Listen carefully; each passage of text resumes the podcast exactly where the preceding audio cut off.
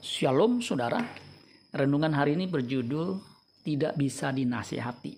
Kejadian 28 ayat 6 sampai 8. Ketika Esau melihat bahwa Ishak telah memberkati Yakub dan melepasnya ke Padan Aram untuk mengambil istri dari situ, pada waktu ia memberkatinya, ia telah memesankan kepada Yakub, "Janganlah ambil istri dari antara perempuan Kanaan."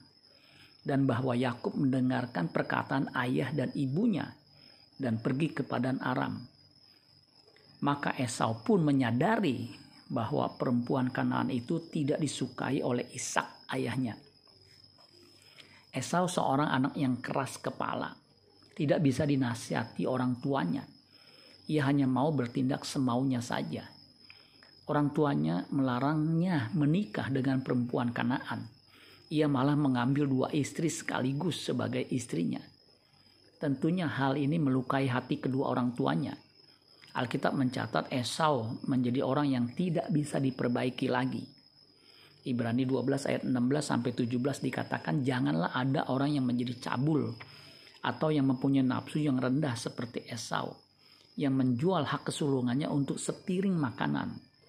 Sebab kamu tahu bahwa kemudian ketika ia hendak menerima berkat itu, ia ditolak sebab ia tidak beroleh kesempatan untuk memperbaiki kesalahannya, sekalipun ia mencarinya dengan mencucurkan air mata. Baru-baru ini kita dihebohkan dengan mega korupsi yang dilakukan pengusaha terkenal berinisial BT. Saya membaca informasi tentang BT di Wikipedia. Ada ulasan yang menarik tentang yang bersangkutan sebagai berikut. BT selain dikenal sebagai pengusaha, ia juga dikenal sebagai investor saham. Menurut penuturan BT, ia diajak oleh teman-temannya saat itu untuk bermain saham.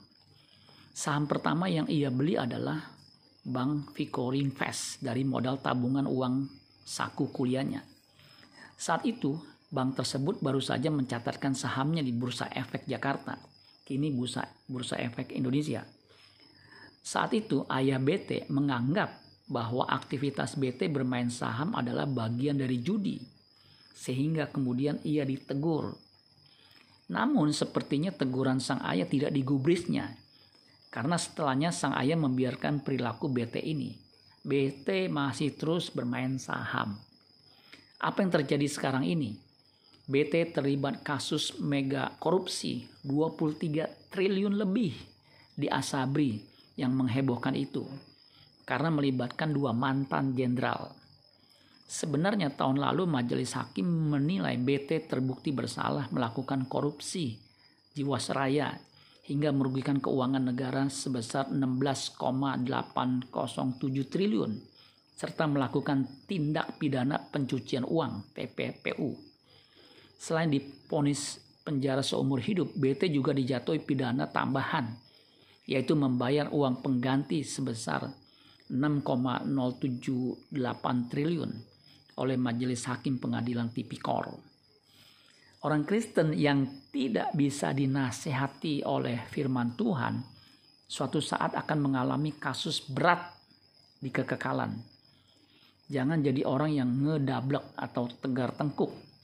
Jadilah orang yang punya hati yang lembut pada waktu mendengar nasihat dan teguran firman Tuhan agar baik keadaan kita bukan saja waktu kita hidup di dunia ini saat ini tapi juga di dunia yang akan datang. Amin buat firman Tuhan. Tuhan Yesus memberkati. Sola Gracia.